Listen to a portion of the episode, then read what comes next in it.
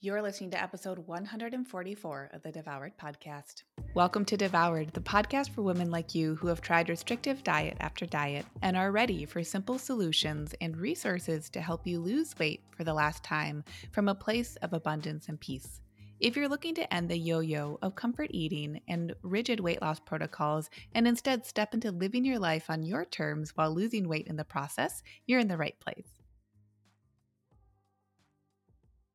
All right, party people, I have a special episode for you today.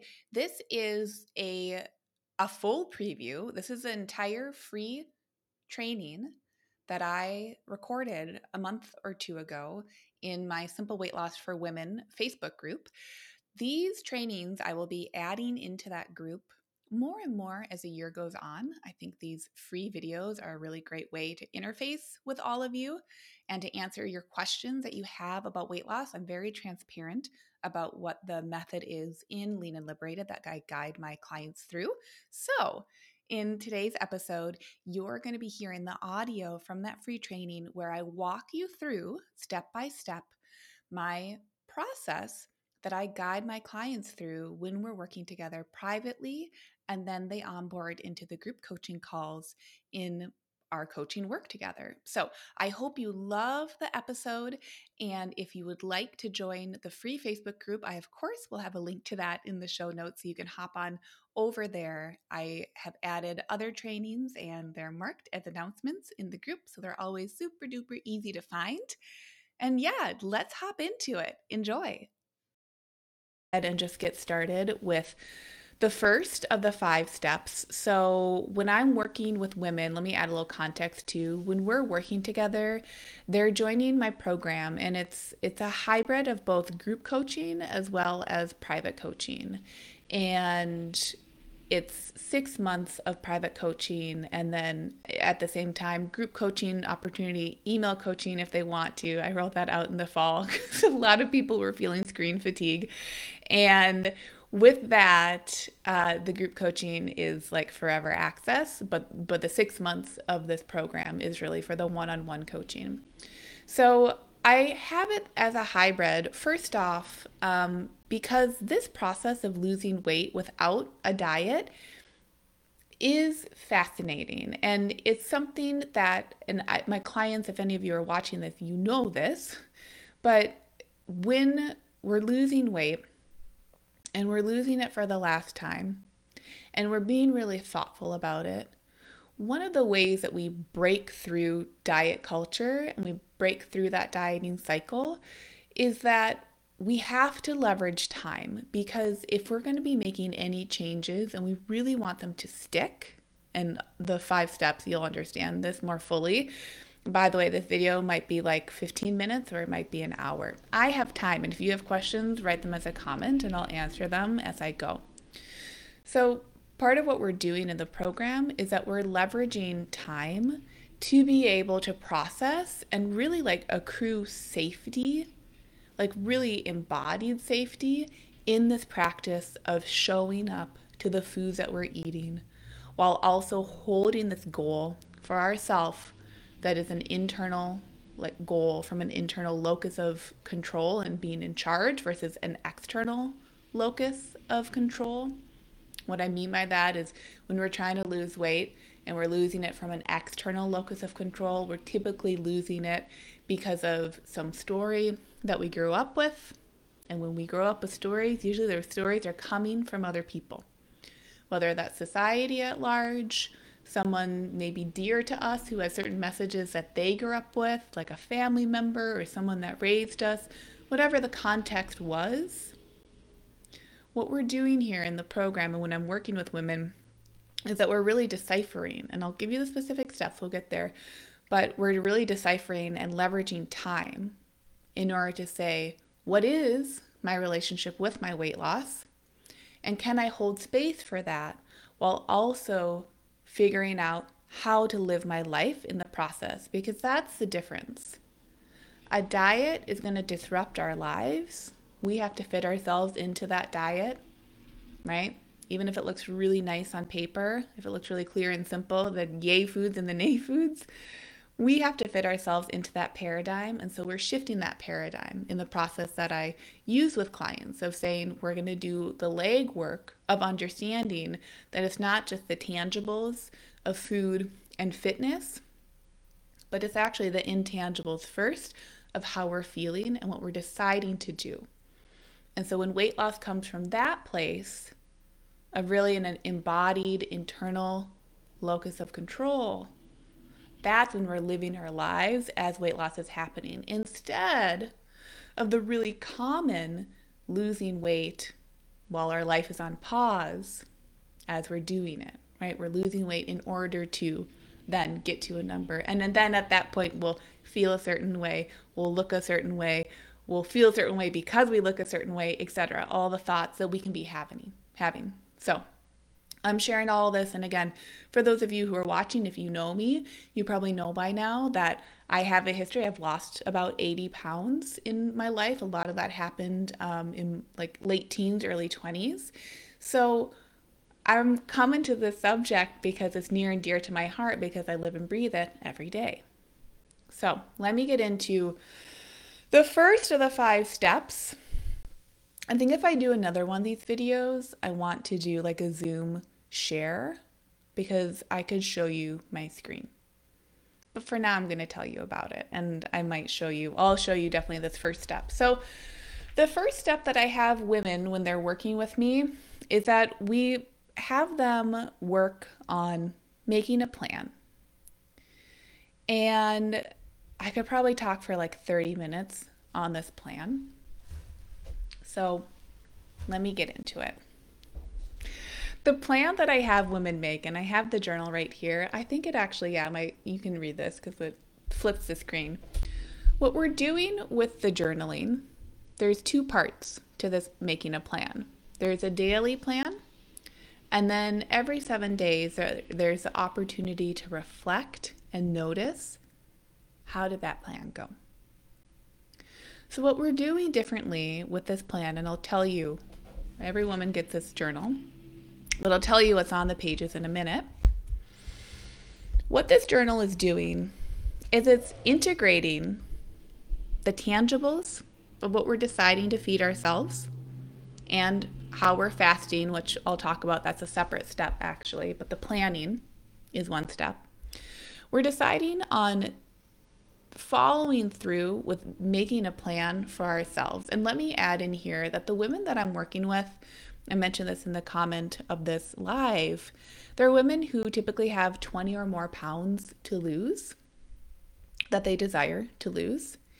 And they've typically tried a whole handful of diets before.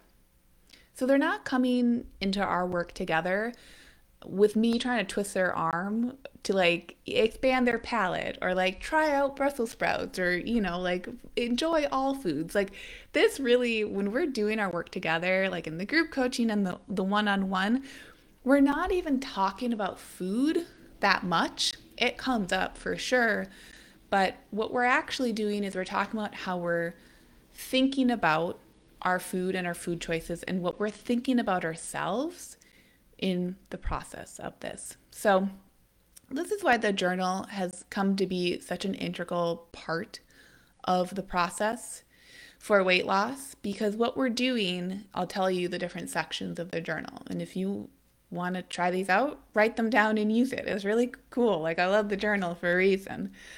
So we have a few basic sections. One is listing out things that you appreciate, things that you have gratitude for every single day, trying to habituate that. We have another section for any priorities of your day that you want to get up and out of your head. And then we have a section where women can really describe like not an ideal future, but it's a bit of identity work that they're doing every single day in that they're utilizing their senses. And each of these sections is like 30 seconds long. Like this is not some like long drawn out 10 minute journaling session twice a day like whatever. This is really short and simple which is part of the process too. We're utilizing our imaginations and our own internal imagery every single day on the daily pages of this journal of really identifying and dropping into in my future, this is where I am this is what I'm seeing, this is what I'm smelling, what I'm hearing, this is what I'm feeling.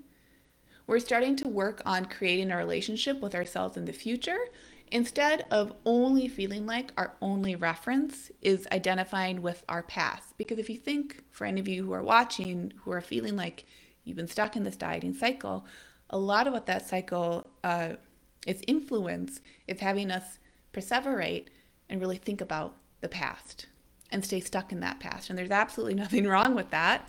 But if we're starting to create proof and evidence of a different life and a different relationship with ourselves, we have to start to kind of plunk into that, not only in the present day, but also have some like future focus and think about what's happening in the future and what we'd like to be happening. So, there's a section for creating and like just having some imagination about what that could be like. It could be really simple and it changes every day. It just depends. And then from there, on the daily journaling, I also have a section that's a, six, a 60 second free journal. Free journal is a term I use a lot uh, with program participants. Free journal is another way to say a brain dump. It's just a place for like pen to paper to flow. And why that's important is that it helps move information that we feel has to be stuck up in our heads through a physical, like actually writing, through a physical process onto a piece of paper. That's a form of processing. It's called it a process, but that's a form of processing that we're allowing ourselves for just one minute every single day. If you're coming and watching, go ahead, like tell me a hi. No one said has said anything in the comments. I know that there are people here, so go ahead say hi. Let me know I'm not just talking to a screen. So we use the 60 second free journal as a place just to take information up and out of our heads onto a piece of paper. For anyone who has dealt with like chronic pain, um, or has looked at the work of like I think John Sarno, or gosh, there's another. He was a surgeon. I'm forgetting his name, but he wrote an amazing book. There's actually like studies and really beautiful evidence showing that that process of writing, what's up in our heads, out through our hand, can be supportive and literally rewires our neurology. As simple as that, the little task of just letting things flow out of our heads is hugely beneficial. So there's a 60 second free journal section. And then the part of the plan that uh, I find most fascinating is that we then move into the tangibles of what our fasting plan is for the day, what our plan for our meals is, and then once we write those down, we look at those and we assess. And this plan is either you're like doing it the night before or the morning of your plan for the day. Hi, Christina. Hi, Cassie. Yay. So thank you. And I'm glad you guys can hear me. Uh, okay, so what we're doing then with the plan, once you write down your fasting schedule, and I'll describe fasting a little bit later in this video, and your plan for your meals, you'll if you look at this journal, you can take a screenshot if you want. If you look at this journal, the plan for the meals is like two lines long. It's not writing out portions and cups and doses and timing and all the things. It's setting intentions for the foods that we're eating and the general times, right? Like lunch, snack, dinner, whatever it's going to be. It's simple. This whole process shouldn't take more than a couple minutes. So once you write out the fasting plan and then you write out your mealtime plan, and all that is is like when I'm eating and what I'll be eating when I am eating. Say that another way. What we're doing then is then you're rating on a scale of 1 to 10 how how much like how, how realistic how much are you actually going to like do that plan like how much are you into it so then you take a second and you rate it. Okay. Now here's the thing if you rate that plan and it's a seven or a lower on your rating scale, then you go back and you amend the plan and you make it more for you. And this is another way, I think this is really important. So listen up if you're like, oh, I want to try this journaling thing. This is a really important part because how many of us have already like tried a million times? Yep, you plan the food each day, each morning, or the night before. You're basically planning ahead of time how to take care of yourself.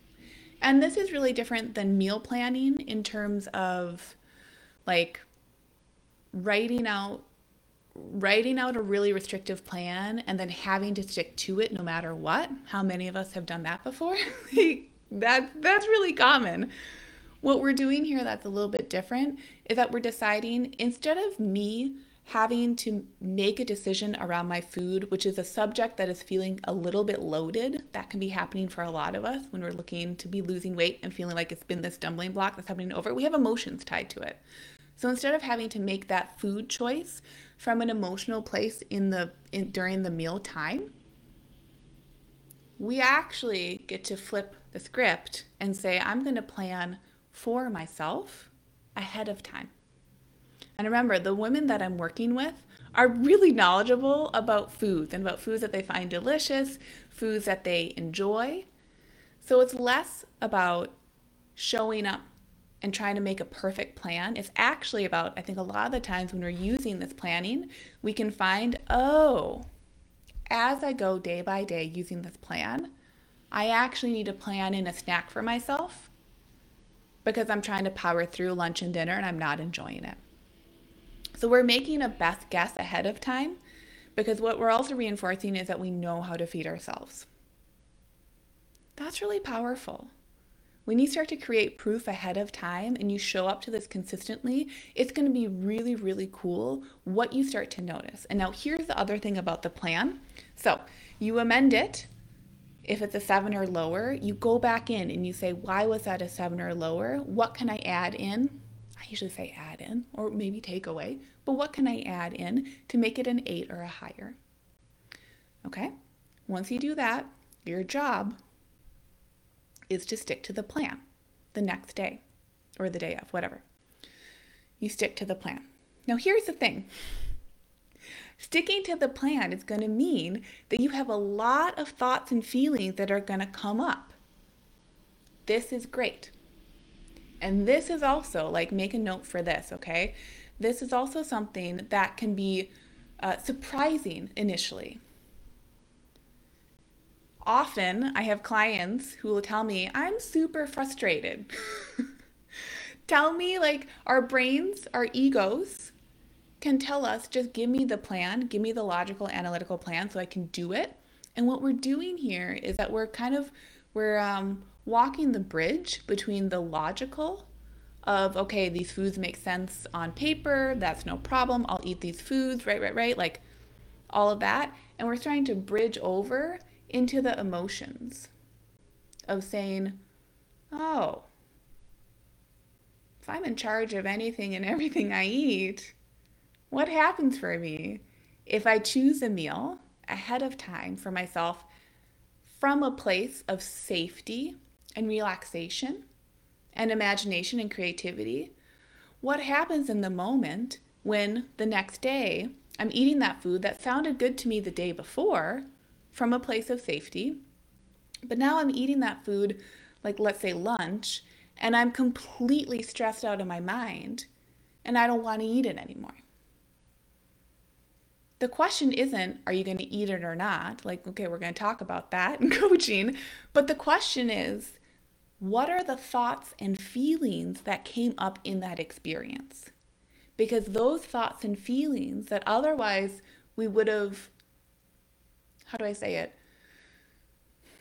If we were having to make our food choices from a place of stress in the moment, that is going to be as shaky as it sounds for us on a weight loss process, in essence. Let me know if that makes sense when we're able to make choices for ourselves ahead of time from a place of love and fun and creativity, like we're not saying, like, I'm going to have one two ounce portion of a chicken breast with this fat free salad dressing and then one like slice of a cold carrot. I'm going to call that good. Like, that that probably would be a seven or lower on the plan. We have to go back in and amend and say uh, what would be my best guess that I can make for myself going forward for my lunch or for a dinner.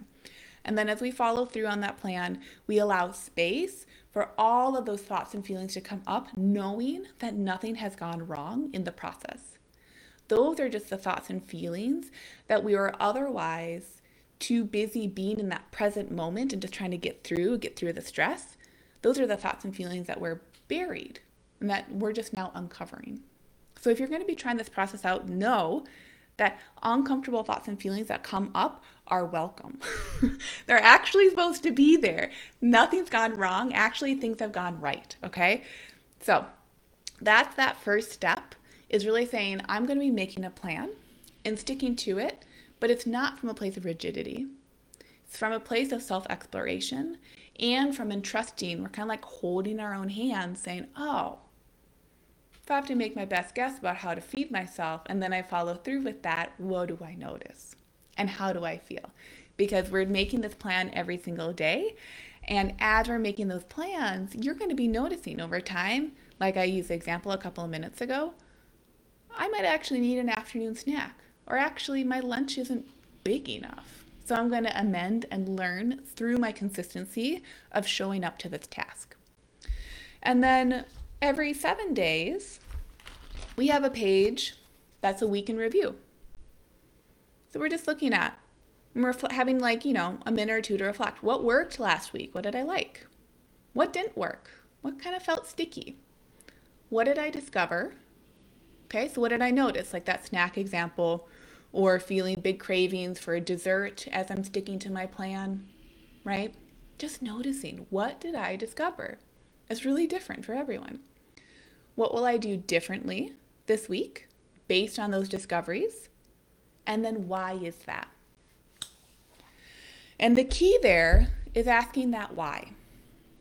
Because so often what's happening with the dieting cycle is that we're trying to rigidly, rigidly adhere to a very logical process and my clients who are watching you know like we talk about like the logical and the emotional. We have these two sides of our brains. If you ever watched the lives in this group before you probably heard me talk about that stuff.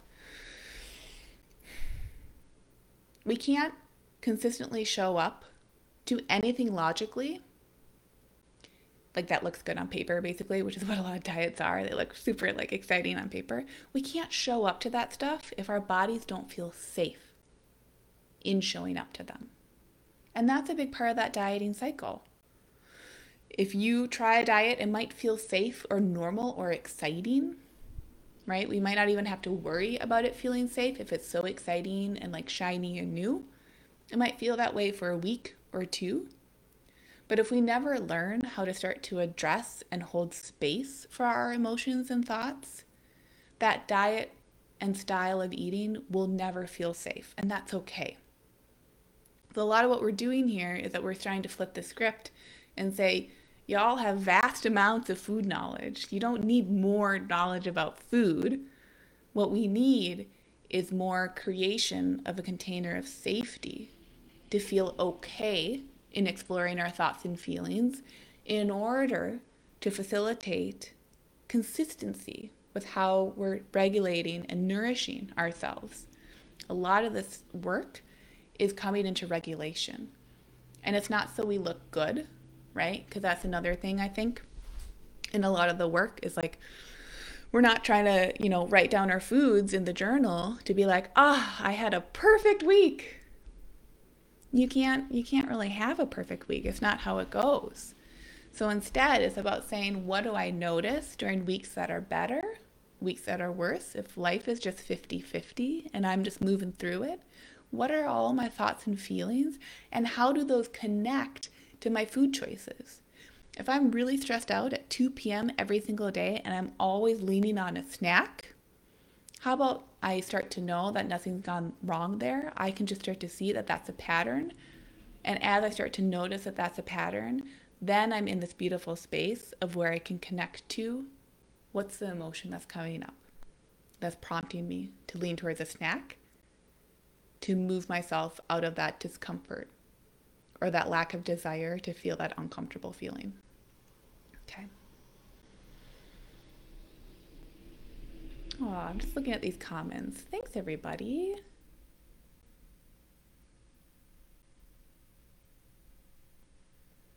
Yeah, Cassie said this feels so much more flexible than any restrictive plan I've done. I'm so happy to hear that. I really am. Here's the thing, too. Like, what we're doing here, because sometimes, not recently, but before, I would say like in the spring, when I was talking with people, like prospective clients basically who were curious about the program and they'd hear that there was a plan, they'd be like, hmm, how about no? I don't want to plan my food. Isn't intuitive eating just making a decision in the moment? Yes. But if all of our moments when we're in relationship with food feel stressful, here's my question Is that actually intuitive? Or could we start to, I keep saying like the term flip the script, but could we flip the script and start to understand that we don't have to make food choices from a place of stress in the moment? We can actually leverage and lean on all of the information that we have learned about food. Because remember, the women that I'm working with have done a bunch of diets. And as much as diets aren't sustainable, for the most part, you start to piece together some basic information around food and nutrition. Like, again, not twisting anyone's arm to like enjoy some roasted vegetables here and there. That's not what we're doing here. We're trying to say, like, well, why does that five cups of popcorn in the evening feel necessary? What are those emotions that are coming up that we would rather be experiencing popcorn instead of potential pain? And how can we love ourselves for that and decide to move through that anyway while we're holding this goal of experiencing a, a reduction in body weight, specifically body fat? Lydia, it's so nice to see you. Thank you. Okay, so that's number one making a plan. Okay, using the plan. And then step number two, I have the different notes for myself. Step number two is like that's a lot of us focusing on being with the food, like making that general plan and then seeing what comes up. Step number two is that we start to think about what happens during our time away from the food, not just with it. And this is where we incorporate intermittent fasting, which is like such a popular term right now. kind of frustrates me because like it it's a label that is not as flexible as that term actually is, okay? And as anyone who knows who is in the program, for most of us, unless you have some particular needs in the evenings or you do shift work or whatever, well, when we're sleeping, we're all fasting. Most of us, not in the program, like anyone, most of us are fasting every single day, okay? So we're simply leveraging and applying a, a um, we're, we're labeling this part of our day where we are away from food and we're starting to leverage the two tail ends of it for the most part. So, to say that in plain English, we start to incorporate in the intermittent fasting plan that flexes with each person. So, some of my clients in the program utilize intermittent fasting, and this is part of I'll also add in the program, we have like eight modules that uh, my clients are pacing themselves through. They're split across eight weeks, but they can take more or less time to like learn this stuff. So they're getting some video lectures on this. But most of my clients are choosing to fast. They're kind of bumping up their time away from food, but they're choosing to fast. Um, it actually really varies. I have some clients who fast for nine to 10 hours a day, which is basically just, you know, they're not eating right up until they go to bed and they're not eating immediately when they wake up. They're having some tail ends there they're having that happen. Oh, yeah, thank you, Christina. I feel like I want to like read these comments, which is what I do in the group coaching. Like, read this, share this, everyone. You all can see the comments here. I don't need to read them. But what we're doing with the fasting is that we're trying to explore in a similar way with making the plan of what are my thoughts and feelings that come up when I'm deciding to be away from food. And that can be also a very fascinating process. So, what I was saying before is that some of my clients are fasting less. It's less about that like die hard fasting number, and some of them are fasting more. And this can also depend on their weight loss goal, what they're noticing in the fast. When they're studying in the program, no one is dropped into some extreme fast. It's all leveraged upon what they want to be doing. I tell a lot of them jump in and like do fast really quickly, and that's fine. But what I instruct them to do is like slowly roll into building up into a longer fast just to notice what how your body responds. Because so often we're hyper focused on the diets and the foods and the quantity and the win and the blah and that like post workout nutrition and pre like all the things. It gets so hyper that we never actually notice how does my body feel away from food? Because for the majority of us, when we're away from food, is when we're sleeping. so we're not really thinking about that stuff. We're dreaming our dreams or not even doing that. So we incorporate intermittent fasting potentially up to uh, like a 48, maybe a 72 hour fast. Most of my clients do not do that. I have some clients who will fast up to 36 hours. And some of those clients are really utilizing, I would even call that a longer duration fast. They're utilizing that fasting period of around a day or so primarily to be working on increasing their insulin sensitivity. Some of them are exhibiting and they're working with their medical practitioners and like professionals, but they have blood work and lab work, and we look at that. Some of them are exhibiting some signs of insulin resistance and being able to allow their bodies that pause away from food. Food is similar to physical movement in that the dose is what can be more stressful or release us from stress. So, same with fasting. Fasting is this tool that can be restorative for us, but if it's too much, then it's not restorative, but it's this little stressor that we can tweak. So, for some of my clients, when they incorporate a less consistent, like maybe once a week, maybe once every 10 days, when they incorporate a fast that's a little bit longer and they plunk it in like that, that's a really beautiful way that is consistent over the long term. If you look at that over the course of a month, there's consistency there. It breeds consistency to help them reduce that insulin resistance or trend towards insulin resistance so that their body can finally get the hormonal cue to start to burn their own body fat stores. So, hear me with this part because this fasting is both thought and feelings work, right? Like like I said, the stuff that comes up for us during these periods. But fasting is also physiologically beneficial from that insulin perspective. But this is what I want to like the pin I want to put in when it comes to fasting. Fasting is not some way to just hack ourselves into eating no calories. And I'm very upfront with my clients about this fact that we can make in our brains, when we're going about our lives, we can make anything into a diet. So, in the module work, the self paced work, I actually have information about what the diet cycle is, the roots of it, and how we can start to understand in what ways we're thinking about our life, even beyond food, that we might be making things into a diet, having diet thinking. Okay? It's not necessarily literal diets all the time, sometimes it's figurative diets. Sometimes we're thinking we need, like, we, we get into all that stuff. I don't need to talk about it in this video, but with the fasting, we're also noticing am I starting to try to hack this? Same with making the plan and the journal. Am I trying to hack the journal? This is all, like I was saying in the beginning of the video, a way that we start to notice what am I thinking? Am I showing up into like am I showing up to this in a way that's loving? Not because it's better than not loving, but just for that awareness. Because ideally what we're doing in here in the program is that we're creating a plan that we would want to show up to for the rest of our lives. And if that sounds like a trap and bad, like, oh my God, I couldn't do this for the rest of my life, then it's probably a diet. and instead of saying, oh my God, you're doing a diet, what we do is say, isn't that so curious that that's our proclivity here? Okay, we've now taken something that was maybe happening unconsciously or subconsciously, and we've brought it into consciousness. We bring things into consciousness and we bring things into awareness, that is when we can then tie back into that first step that I mentioned of um, creating safety.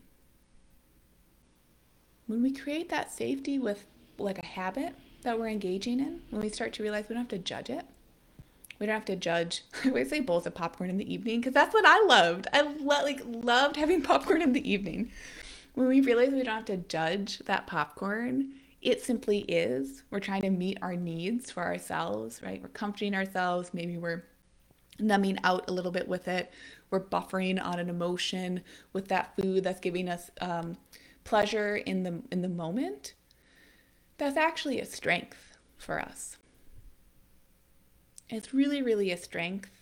Like if you've ever been a comfort eater, that's a really big strength because that means that at one point in your life, maybe multiple, some period in your life, you found a tool to take care of yourself. Maybe there was no other tool available.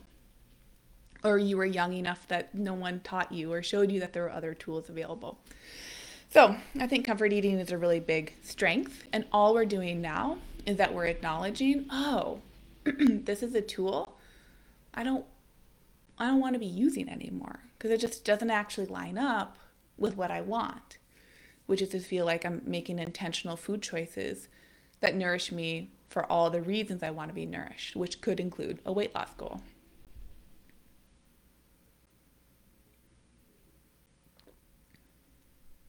Yeah, Christina, exactly. Christina says most diets make you think emotions around eating is bad, but really it's just human. Less stress as a goal blows my mind. Yeah. And that's a really cool thing. Um, actually, this is that's it's it moves into step four. but the cool thing um, with really focusing on the stress component is that it gets us out of our hyper minds that like are it sounds so cliche, but our one job is to like just get to like a number on the scale. That number on the scale, if it feels like there's a fixation on it, usually that number on the scale is just representing something for us. And you can hear this a lot in how people talk like, oh, I just want to be the weight I was in high school because X, Y, and Z. What are the X, Y, and Z? Okay, maybe it's because you're fitting into a certain like pair of like a pants or like clothing, whatever there's some like aesthetic or like visual representation that's important to that person. But if you keep digging, if you keep asking yourself why, if that's like resonating with you, if you keep asking yourself why, it's going to come back to a feeling. How did you feel in high school? Probably not about the number. The number is just that placeholder. So yeah, Christina, what you said, that we we can never as a human have a bad emotional uh, experience. Like emotions are, and feelings are just going to come up. We're just kind of conduits for them. But what's so cool is that through this process, we can start to realize, oh my God, what I'm thinking is actually influencing how I'm feeling. Instead of what I'm feeling is deciding how I go about my life. So it changes from having to feel like we have to be reactionary and like watching ourselves and white knuckling all our food choices because, like, I just can't handle myself around this food, or like, I don't know what happens by the end of the day. Like, this happens, and then I eat all, like, we start to realize, oh, those all came from a point of truth, and points of truth aren't bad. We just get to like rock and roll with them at their bad selves. So I was kind of going on tangent there. Anyway, so the, the second point though is what's happening in our brains and physiologically during time away from food. And we can leverage that time away from food that intermittent fasting is a really beautiful way to not go low calorie. If we go too low in calories, which a lot of women who are holding on to excess body fat that they don't want are eating too low calorie. So, hormonally, and they might also be experiencing some resistance to insulin, which is the, the um, storage hormone that is like affecting whether our, our um, cells are getting the signal to, or our bodies, excuse me, are getting the signal to be storing body fat or releasing body fat. So you can be eating too few calories and be signaling to your body, don't use body fat stores for energy, baby, at the same time. So the fasting is to both say, if we deplete, I can make this, I can make this live so long if I wanted to. we're signaling to our bodies that's going to say with the fasting i could explain that whole process. Maybe that should be its own video though. But yeah this might be an, more of like an overview an in-depth overview but i could be offering videos later on of what that fasting is actually doing from the physiological standpoint. But it can simply help our bodies get the signal oh I don't have any other option because I've used up my muscle glycogen stores and my liver glycogen stores, which is that quick energy. I don't have any other option except to now burn my long term storage energy. Think about the difference between like the fridge and the freezer, right? If you eat up all the food in your fridge and you know you have food in the freezer, you're going to go to the freezer first before having to go to the store. Similar thing with fasting. If our muscle glycogen stores, which is a quick energy, if that's all the food in the fridge, fasting helps us use up the fridge food. So then we get the signal, oh, now's a great time to like go freezer diving and like use some energy from my fat stores. But the flip of that is that when we are choosing to eat, we're eating in abundance to nourish ourselves. So, what we also find with the fasting is that our appetites can come into regulation. So, we can start to say, oh my God, I'm actually hungry. I'm not starving. No one's starving themselves in this program. I'm actually hungry. and now that I'm hungry, these are the foods I want to be eating for my physiological hunger, not just my emotional hunger, not just my mouth hunger. Oftentimes, when we're emotionally hungry, we're going to be leaning towards foods that give us big experiences, meaning foods that have flour and sugar.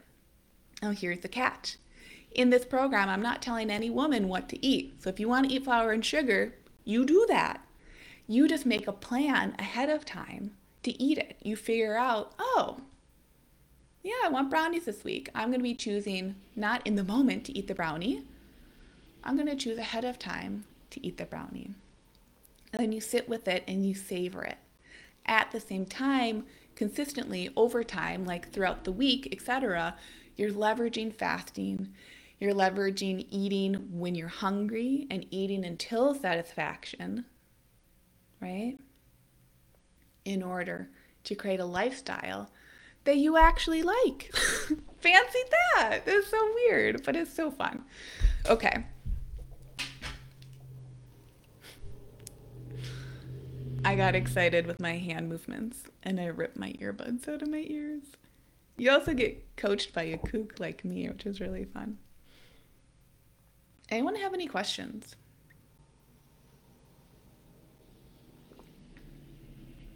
I've been talking for 42 minutes and I'm only through two. I knew that this would be long.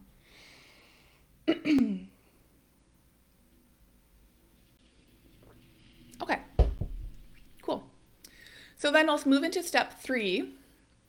Step three, and a lot of these steps kind of tie into each other. but step three is trying to figure out how do we create physical safety. So, as much as I just said that the women who are coming to this program, they've done a bunch of diets, like they've probably they've most definitely have tracked calories at some point. They've probably eaten paleo or done, you know, Atkins or South Beach or whatever else. They've probably um, tracked macros. Like they've done the points, they've done the counting. But I'm a nutritional therapy practitioner, so some of the women in the program already know this stuff, but just in case they don't, number three, um, I'm giving some basic foundational information around like actual education about how our bodies function so that we can cultivate physical safety. Earlier, I was talking about emotional safety, right? Like if you're doing the diet, but then it blows and your, your body and your brain is rebelling it's because they don't feel safe. but we also have some physiological safety that we need to be talking about. So, what do I mean by that?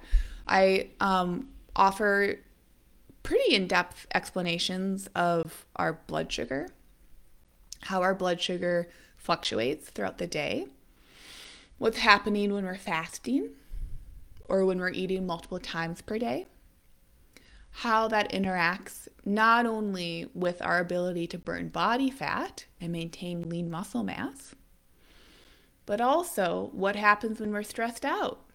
What happens to our blood sugar? What happens if we don't sleep well? What's happening to our blood sugar, like I said, in that fast or not in the fast? What's happening when our blood sugar levels are evenly regulated? What's our experience? If you've ever experienced feeling hangry, that was probably a, a mild blood sugar dip, or it perhaps was not uh, a blood sugar dip because of type 1 or type 2 diabetes. Let me add that in.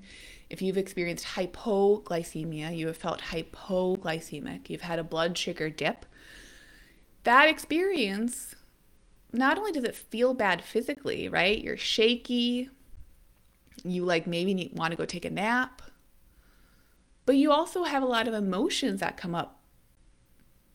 Your body's physically stressed out, right? It's going to make you drop doing your work at two o'clock to go get the food because you're anxious out of your brain, right? That 10 a.m. like latte and croissant, like back in the day when we could easily do that stuff. Yeah, maybe it's a fun way to get a break from work that feels monotonous or like isn't lighting you up. But also, maybe if breakfast didn't come in or we had a really sugary breakfast, maybe that latte was a way to address a blood sugar dip. And so at 10 a.m., you feel really crabby, not because you're a crabby person, but because your body is going through something stressful. But what do we do? We also blame ourselves, saying, Oh, why can't I get over my cravings? Why do I have that craving at 10 a.m. or 2 p.m. or whatever time it might be? So, we have some information in the program. the third step is really just saying, like, let's have you understand blood sugar regulation, all the permutations of why that actually matters. Let's have you understand your digestive system, bloating. We talk about poop, one of my favorite things, how we detoxify the different processes that are happening in our body, why sleep is so important. And remember, we're bringing all this back to not only how we feel, but also to weight loss. So all these subjects are tying in to like, why does this matter? if our bodies are physiologically stressed out, they're not in a place to be losing weight. So if your sleep is crap, we have to talk about that first. We can't just ignore that and like really, you know, hyper focus on the food that you're eating. We have to talk about sleep. So we don't pretend to ignore that stuff in this program. And then I give basic insight. You know, we're not tracking macros. I'm not like counting how many vegetables someone is eating every single day. But I do give you information in the program to understand well, what are the three macronutrients protein, fat, and carbohydrates? Which foods are highest in those? Which, like, what are vitamins and minerals actually? Like, I know they're good for me, but what are they actually? What's the difference between macro minerals and micro minerals? Why does that matter? We add in all that information. I also give a primer on exercise. I'm not a personal trainer, and I do not pretend to be one. But what I can tell you about exercise is that it's important for weight loss, but I think not in the ways that we make it really hyper, in the same idea as like calories in, calories out. Sorry, I'm talking so much now I'm coughing. The calories in, calories out, like calories are a unit of energy. So, of course, they are going to apply. But if you can lose weight without having to be hyper fixated on calories, why not? Like if that feels more liberating, within your wheelhouse. Same with exercise. So, the number one thing I tell women and I share about in the program is that there's cardio, and there's strength training. Cardio. Don't go stress yourself out with really high intensity stuff, especially if you feel susceptible to stress. And this isn't your first rodeo trying to lose weight. You probably need less stress in your life. So don't go and try and walk 25,000 steps a day and stress your body out if it's been used to walking 2,000 at most. Try walking 5,000 steps a day. Maybe don't try to like train for a half marathon. Maybe you just walk. Maybe you just go for a bike ride when you feel like it. Maybe it's actually separating yourself from a really restrictive pattern of showing up to working out to only lose weight. So, with all the stuff, I hope you're seeing that there's a string and a thread of like, ooh, we're doing the work of just noticing our thoughts and feelings and like how we've been habituating ourselves to show up to the different actions in our lives. Because I also say this, you know, like one person could be eating a salad that's like groovy and has some fun, crunchy stuff in it, and we're really liking it. And another person could be eating that same salad and hate it and just absolutely like find it so restrictive and the worst thing in the world. So the difference there isn't the salad, it's the same damn salad. The difference there is the thoughts someone is thinking, like their beliefs, and the feelings that they're experiencing from holding those beliefs. And then what's happening from there is going to differ based on those two. So they're really important. So with the exercise, we also like thoughts and feelings are going to come up around someone's exercise and all the judgments that they have about themselves often. So the exercise gets to be this fun piece that comes in. I'm not instructing anyone. We don't have like crazy workouts or anything, but it is a, a lever. There's a training in there called weight loss levers. So exercise is a lever, and cardio, our body experiences differently than strength training. So basically, you know, there's a question that often people will ask of saying like you know there's how do i want to put this there's like a experience that i think is really common where a lot of people who feel like they consistently have 20 pounds or more to lose like there's something wrong with their metabolism first off if you feel like you have metabolic issues go see a doctor go find someone who's thyroid literate. If you need help with that, I can be a referral source for you. Like, I'll help you find someone, no problem. Because there could be an issue with a thyroid, but one of the biggest issues with thyroid health, our thyroid is like our master energy regulator and it's up in our neck. One of the major issues with thyroid health is stress. So you could be taking all the thyroid supplements you want, but if some of these foundational pieces are out of whack, your body physically doesn't feel safe because it's not getting enough sleep. You hate your job. You're finding the world stressful and you don't know how to like get that stress up and out of your system. Just focusing on iodine, baby, isn't really going to help that much. So, with the exercise, the reason I'm bringing up thyroid is that if we're feeling like we have this metabolism that is really stuck, First off, we're addressing that with the fasting of eating to satisfaction, which can look like eating more food for some women, dipping into increasing our insulin sensitivity, if that's applicable, and then also just giving our body time away from food. so the, its only option is to be burning body fat. But we notice what our metabolism is telling us in the process. So a lot of women think like, "Oh my god, I don't know if I have a slow metabolism or not." You actually do. Here's how you know if you have a slow metabolism. You start to notice what you feel like doing. Someone who has a higher metabolism, they're going to run hotter. Their temperature is going to be higher, like closer to 98.6. Their brain is going to be more online. They're going to feel like they can think thoughts. They're going to be able to wake up in the morning. They're probably going to like be able to sleep at night. and they don't feel like after a long day they have to only sit on the couch to recover and recoup and eat food. Those are all signs of an active metabolism. If you're up and out and moving and you feel like you have energy to spare, that's like thumbs up for our metabolism. if you're feeling like your metabolism, like over time, and this is what is happening with low calorie diets, is that we're eating lower and lower and lower calories, our body is going to like notice that and it's going to start to downregulate its energy expenditure to match the energy that's coming in. That's why we stop that cycle and we eat to satisfaction. and when we eat to satisfaction, that can also then open up the opportunity to notice if we have a relationship with overeating or if we have a relationship with eating that isn't in congruity, is that a word? With our actual needs in the moment. See how all this is tying together? So, with the exercise, same diff. We exercise enough to signal to our bodies that we're beings that are active. And that can include cardio, and I recommend that it includes strength training. But strength training can also mean body weight exercises all we're doing is that we're using our muscles and showing them, I want you here.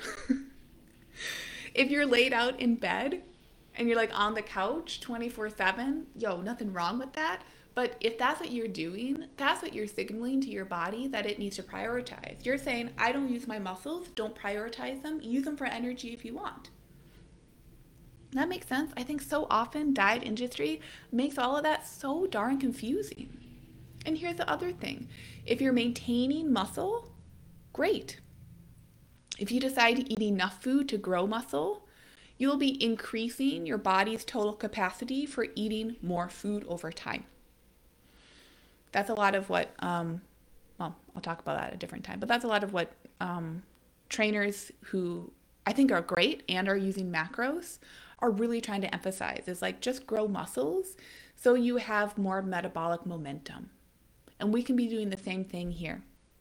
You can be incorporating fasting as well as eating enough food so your body has really clear opportunities to burn fat and then to receive energy. Yeah, Christina, you ask a great question. How do you eat to satisfaction properly if you know you have an issue with overeating? You start with making a plan and following through with it. And then you start to bring awareness to the feelings that are coming up because often the overeating, even if it doesn't feel like it in the moment, often the overeating, sorry, I'm talking so much, I'm not used to it. Quarantine, I gotta drink some water. often the overeating, Christina, is tied to an emotion. And a lot of us aren't taught that it's safe to experience our emotions or true emotions. We're also not taught to I, like readily identify what those emotions are. So often overeating is some form of comfort, whether it's positive or negative. Like comfort eating can also be like eating for celebration, kind of happy, exciting things. Overeating can also be like we're feeling stressed out, we want to like give ourselves a different experience and so food feels like a like a ready resource to do that for us so eating to satisfaction the first thing is starting to understand what are the thoughts that are coming up for me what are the feelings that are come up coming up for me and the way that we do that is that we like create these plans for ourselves and give ourselves the space to experience the feeling so we might not know what that feeling is and we might have really big urges in the moment to go overeat. And that's okay. It's really okay. So that's what I would recommend is like making a plan for a meal.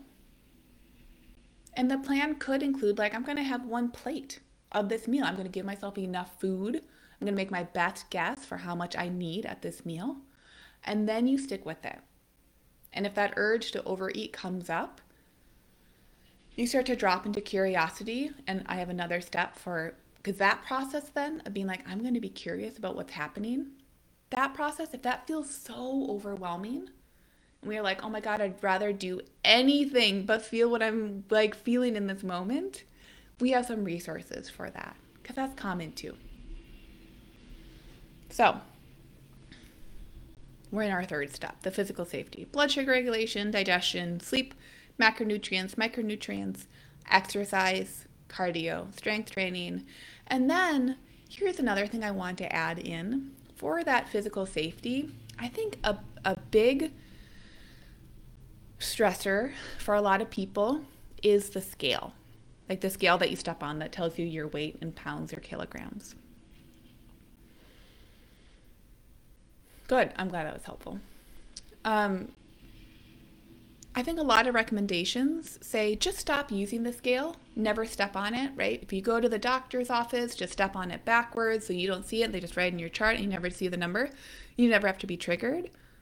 I say, if we're really trying to solve this weight problem for forever, how about we start to believe that we don't have to be triggered by numbers, period? And we start to do that I have women decide on if they're going to weigh themselves or not in this program. If you're not going to weigh yourself, I recommend taking a photo once a month, maybe in the same outfit, even. Doing something that's not up in your head. Photos show us something different. It's a different lens, it's not our own. So either you take a photo and you stick to consistently taking that photo, or you decide that you'd also like to address the thoughts and feelings that come up for you around the scale. Because that's the reason why we don't like weighing ourselves. It's just like a measurement of our like relationship with gravity. But if stepping on the scale feels really really bad, it's because we're thinking, like for the most part, we're thinking a really shitty thought about ourselves. So if we want to address that, we can. And so what I recommend for women, so when you're when you're doing these five steps and you're doing them consistently, you're losing like a half pound to 2 pounds per week. That's like what happens. So if you're doing that and you want to be like noticing, well, how much do I weigh? First off, you don't have to weigh yourself. If you had to, I don't think that's actually liberatory. And my program's called Lean and Liberated. Like, I legit want it to be liberatory. But if you want a process for weighing yourself, then what you do is you weigh yourself once a day, same time of the day, same place. Ideally, after you poop and pee, but you do you. You weigh yourself once a day, you record the number, and the only number that matters that you're allowing yourself to like ha- like hold some weight is once a week you tally up the seven numbers that you recorded that week, you divide them by 7 and you get the average for the week. and that's what you record. So if you're in there and like women do this in the program, they weigh themselves once a day. They're doing the work, they're coming to coaching where we process through those thoughts and feelings that are coming up, not even to neutralize them, right? A lot of people think that coaching is like, oh, we have to make you feel 100% perfect about your whole life all the time. That's not what coaching is. Coaching is really saying, like, what is it that you're thinking? And like holding on to as truth. And as you start to bring that into awareness, you then create the opportunity to start to understand if there are other beliefs you'd like to believe. And it can be really interesting the thoughts that we have around the scale. So I love it when women are up to the challenge of weighing themselves and getting that weekly average and using that to plot what's happening. Because we get so much good intel. We really do. Because think about it the scale is like just a beast in our culture. We put a lot of power, we, it, it decides that it has a lot of power. And there's a lot of marketing and messaging around what the scale should and shouldn't be. You think about that, like, again, like that high school weight that I mentioned. That high school weight didn't just happen. You had a thought and a feeling about it because you had a thought about yourself and your life. And you have a thought about yourself and your life today. That's the stuff that's important. That's the stuff that we process through. Okay, Step four, which I've talked about a bunch because it intersperses a lot, is feelings awareness. Okay, so there's identification of thoughts and feelings. Um, and there's there's a, a I've said this before, but I'll say it again just for clarity here. We have, um, and I'm not licensed or like certified through the life coach school, but I think the life, and I'm not a life coach, but I think the life coach school does a nice job of delineating this. So, like, this model is from them that I'm about to say. But we have circumstances in our lives, and then we have thoughts we think about those circumstances, and then we have feelings that we feel because of our thoughts on the circumstances, and we take actions from our feelings that we're thinking about thoughts that are we're thinking about from circumstances, and then we get results or things happen from the actions we take or don't take. And those results reinforce the thoughts that we're thinking. So, all of this work in the feelings awareness, feelings awareness also means thought awareness and action awareness. So, we're starting to process through everything I've described what we're feeling. We're showing up to the feelings that feel tough that we don't want to, and that diets say you don't have to show up to. That's the thing that slays me with diets is that they say if you just follow this plan perfectly, your life will be perfect. We know that that's utter nonsense. and that's not like a fun and beautiful life lived. What is so beautiful is when we can say, in this instance, if we have a goal of weight loss, I can lose weight during like fun times and also during hard times and challenging times because I'm in relationship with myself. And because how we do one thing is how we do a lot of other things. So if we notice that we're abandoning ourselves when things get hard, we're abandoning this goal that we have for whatever reason, that we don't have to like you know, a lot of the women that can come into this course, um, or who like initially came to the course at least, a lot of what I used to talk about is being like, you can believe in anti dieting and intuitive eating, and you can still have a weight loss goal, and you don't have to explain that to anyone. It just ties back into where is the like, who's in charge of that? Are you feeling like you have to lose weight for other people, or is it for yourself? And why is that? So, starting to really identify those thoughts and feelings. And then in feelings awareness, I also have a teaching around um, different intuitive healing techniques. There are five different intuitive healing techniques, and maybe I'll do a separate video on those. But those are just different ways of dropping and allowing your body to be in its parasympathetic state. Weight loss is a parasympathetic process, like actual liberatory weight loss that isn't feeling like white knuckling onto one more diet. Parasympathetic is that rest and digest mode, which is different than our sympathetic stress mode. You can remember sympathetic starts with an S. Think of S for stress. Parasympathetic is rest and digest and relax. And that's what we're showing ourselves and creating proof of that we can have a parasympathetic relationship with our food choices. That it doesn't have to be embroiled with tracking or, you know, being perfect, having perfectionistic tendencies, having to like count everything or program in. Like we can start to trust that some days we might have a bigger appetite, other days we might have less of an appetite. One day we can be like planning in maybe, you know, more processed foods, maybe the week before your cycle, I don't know. And other weeks we might notice, oh yeah, those cravings are really diminished. All of that these intuitive healing techniques that I teach, they support us to feel like we can have that bridge between what we know analytically and what we're experiencing emotionally. And then the last part of the feelings awareness is um, I also run women through, and this is actually something that you can look up pretty easily online if you want to try this out. I run women through a core values exercise, and this actually happens um, fairly early on in the coursework. Is that you start to identify what is it that I value, not like what do I value in my life, like literal things that I value, but what are the values that I hold?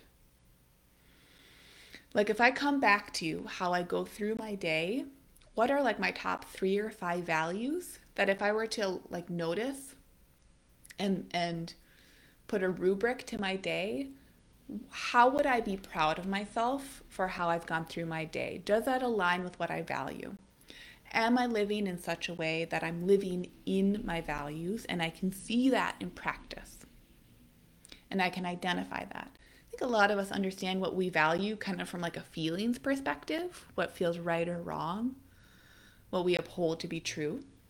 But when we can actually identify, oh, this val like I value of course I'm going to blank on any of the words. I value family, right? I value faith. I value communication. I value loyalty. Like what are these bigger values that we have in our life? Then we can start to notice of all the thoughts and um, choices I'm making every single day, do these come back to my core values? What helped me feel like most like me? That's another beautiful way to be building that bridge of being with ourselves no matter what. We have to be our own best friend. And if you think about your best friend or your partner or someone that you love or a pet, the pet, you might need to use a little more imagination for this. But if you think about it, what we value in that relationship is communication. When you feel safe with someone, it's not that you go to them with every single problem and issue, but you feel safe with the opportunity to go to them if desired.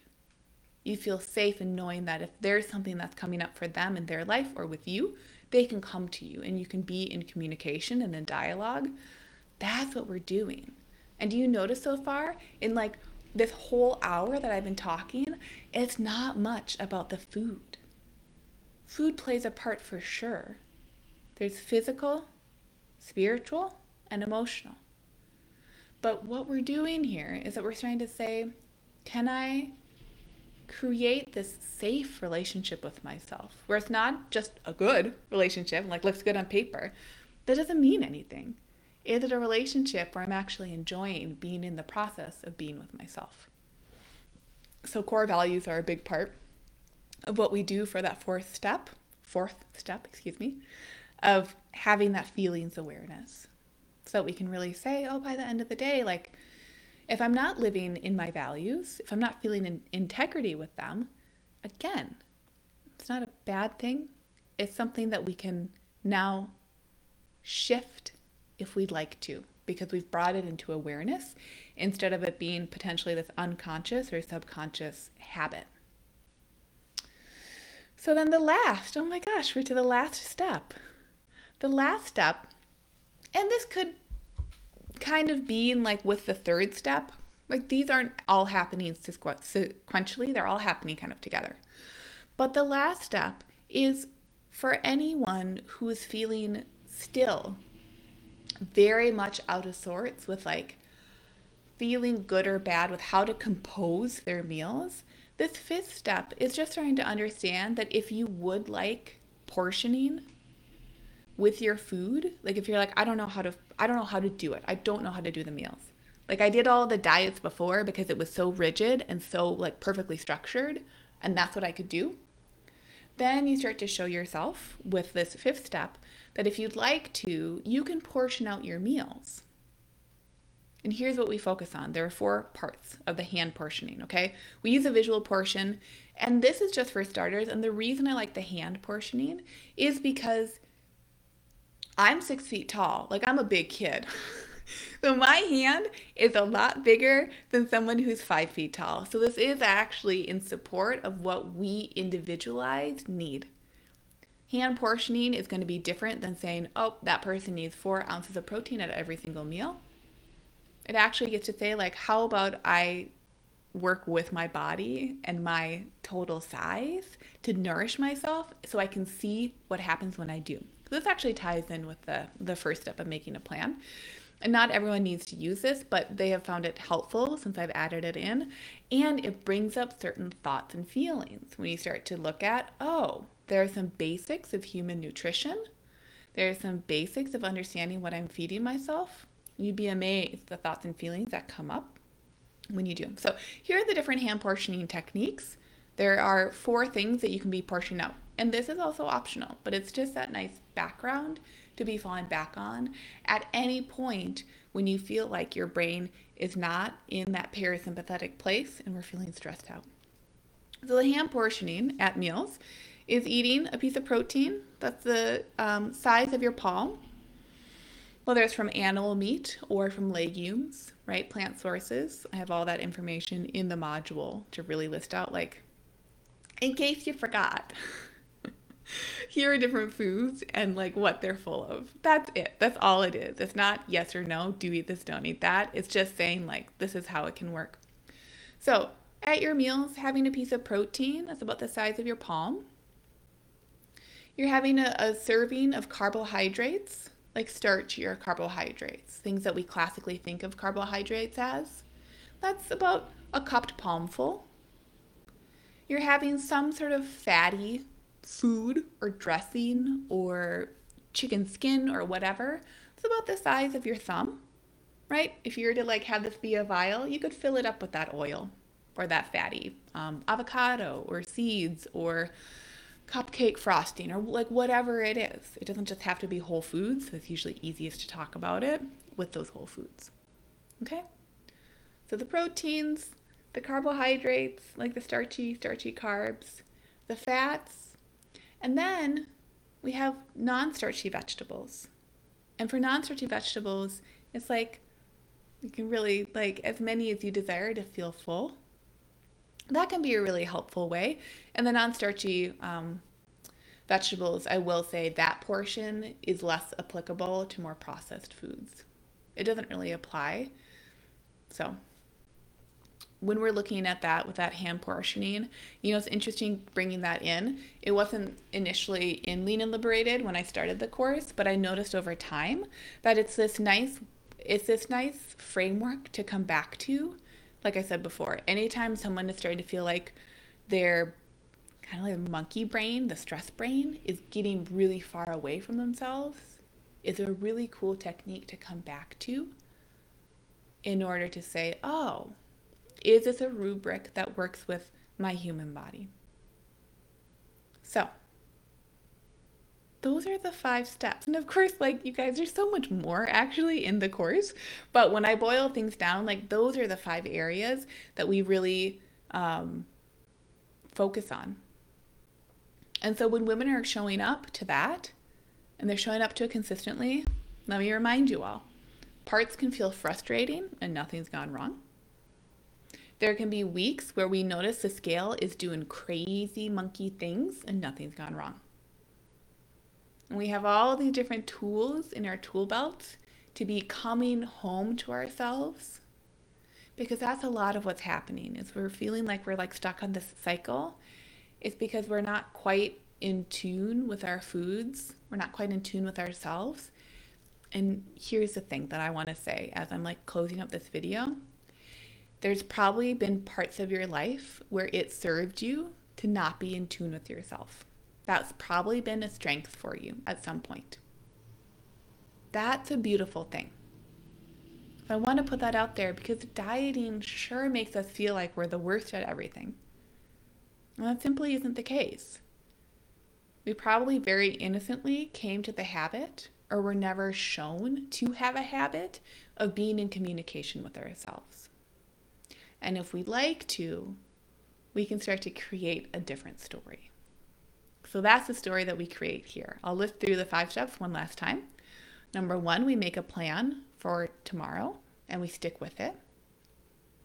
Number two, we incorporate not only making a plan for foods, but also making a plan away from foods. And we leverage that uh, depending on our needs. Thanks, Cassie. Number three, we incorporate understanding physiologically what's happening in our bodies having that base education and knowledge so we feel very empowered to be able to use that knowledge. A lot of us are very, let me add in this note, we, we're very uh, knowledgeable about different dietary techniques, but we might not be knowledgeable in how and why those techniques have or haven't worked in our systems.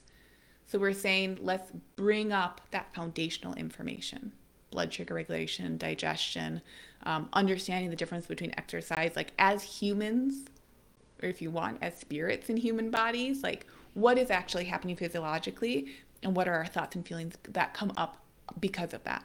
So that's physical safety, which is number three. Number four is feelings awareness, identification of thoughts, incorporating the intuitive healing techniques to support our parasympathetic process and feel safety in all of this. Core values as well. And then number five, the hand portioning as a baseline, as a rubric to come back to in case we are feeling alone or lost at sea and we don't know where to go. Okay. I hope this was helpful for everyone. If you're watching the replay too, I should have said this like throughout the video, you're welcome to like leave a comment. I'll reply to any of them. I would love to hear what you're all thinking and I appreciate those who showed up to my quasi impromptu live in here. I hope it was helpful. I really hope so. It's really, I'll just say, as the facilitator um, with my clients, like it's a very big privilege to be welcomed into women's lives um, who are deciding that it's time to be supporting themselves in this way. And I said this earlier too like how we do one thing is how we do a lot of things. So when we're deciding to like look at our relationship with ourselves in this way, I think it's a really cool key and I see it happen. It's like a key that we then like unlock and we start to notice and like level up is kind of a not quite the way I want to put it, but we start to come into ourselves in all these other arenas of our lives. And I see that happen day in, day out. Like I said, like there's information around food and nutrition. We do talk about the food, but most of the time, we're talking about so many other things in our lives because it's all connected. Did you know you can find more support from me on my website? Go to Lucia Hawley, L U C I A H A W L E Y dot com to connect.